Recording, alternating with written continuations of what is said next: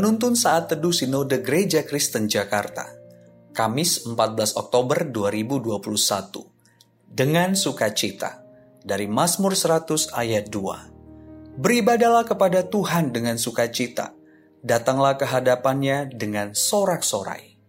Matthew Henry, seorang penafsir Alkitab penulis, dengan sukacita yang kuduslah kita benar-benar beribadah kepada Allah adalah suatu penghormatan baginya bila kita bersuka cita di dalam Dia, dan kita harus beribadah kepadanya dengan sukacita yang kudus. Penyembah-penyembah Injili haruslah menjadi penyembah-penyembah yang bersuka cita. Jika kita beribadah kepada Allah dengan lurus hati, maka marilah kita juga beribadah kepadanya dengan sukacita. Salah satu penekanan dari Mazmur ini yang ditujukan kepada umat Allah adalah panggilan untuk menyembah Allah yang berkaitan erat dengan melayaninya dari hati yang penuh sukacita.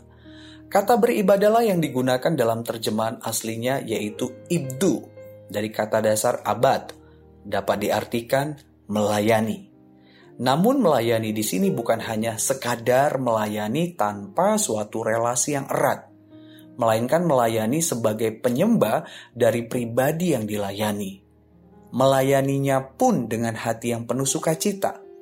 Ada relasi yang erat, pengenalan, penghormatan yang tulus dari sang penyembah kepada yang disembahnya. Dengan demikian, panggilan umat Allah untuk datang beribadah atau menyembah kepada Allah berkaitan erat dengan relasi yang erat, pengenalan, penghormatan yang tulus dari dalam hati mereka. Bahkan mereka juga melayani Allah dari hati yang penuh sukacita. Penyembahan mereka kepada Allah tidak hanya berbicara menaikkan puji-pujian, memberikan persembahan, melainkan menundukkan hati mereka di hadapan Allah untuk menaati kebenaran firman-Nya.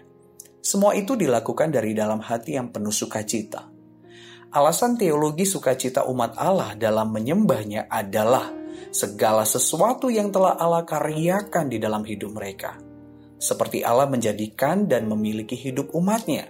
Itu berarti Allah sebagai pencipta, pemilik tunggal hidup umatnya. Allah menggembalakan umatnya. Itu berarti dia sebagai penuntun, penyelamat hidup umatnya dari setiap serangan yang jahat. Saudara, demikian halnya kita pada masa kini. Yang menjadi alasan teologis kita menyembah melayani Allah adalah karyanya yang telah dikerjakan dan dianugerahkan kepada kita melalui Kristus Yesus. Allah menjadikan dan memiliki hidup kita sebagai umat tebusannya karena Kristus Yesus. Allah menuntun, menyertai kita dalam menapaki kehidupan di dunia ini karena Kristus Yesus. Bahkan Allah menyelamatkan kita dari kuasa maut, kuasa si jahat pun karena Kristus Yesus. Dari keberadaan kita di muka bumi ini sampai kehidupan kekal yang akan datang, Allah selalu berkarya di dalam hidup kita karena Kristus Yesus anaknya. Itu yang menjadi alasan kita untuk selalu menyembah, melayani Allah dari dalam hati yang penuh sukacita. Teruslah bangun relasi yang erat dengan Allah. Teruslah kenali dan hormati Dia dari dalam hati yang penuh sukacita dia adalah pemilik tunggal, penyelamat hidup kita. Sukacita terbesar penyembah Allah adalah karya salib Kristus. Dari sana, dia dijadikan milik kesayangan Allah. Tuhan Yesus memberkati.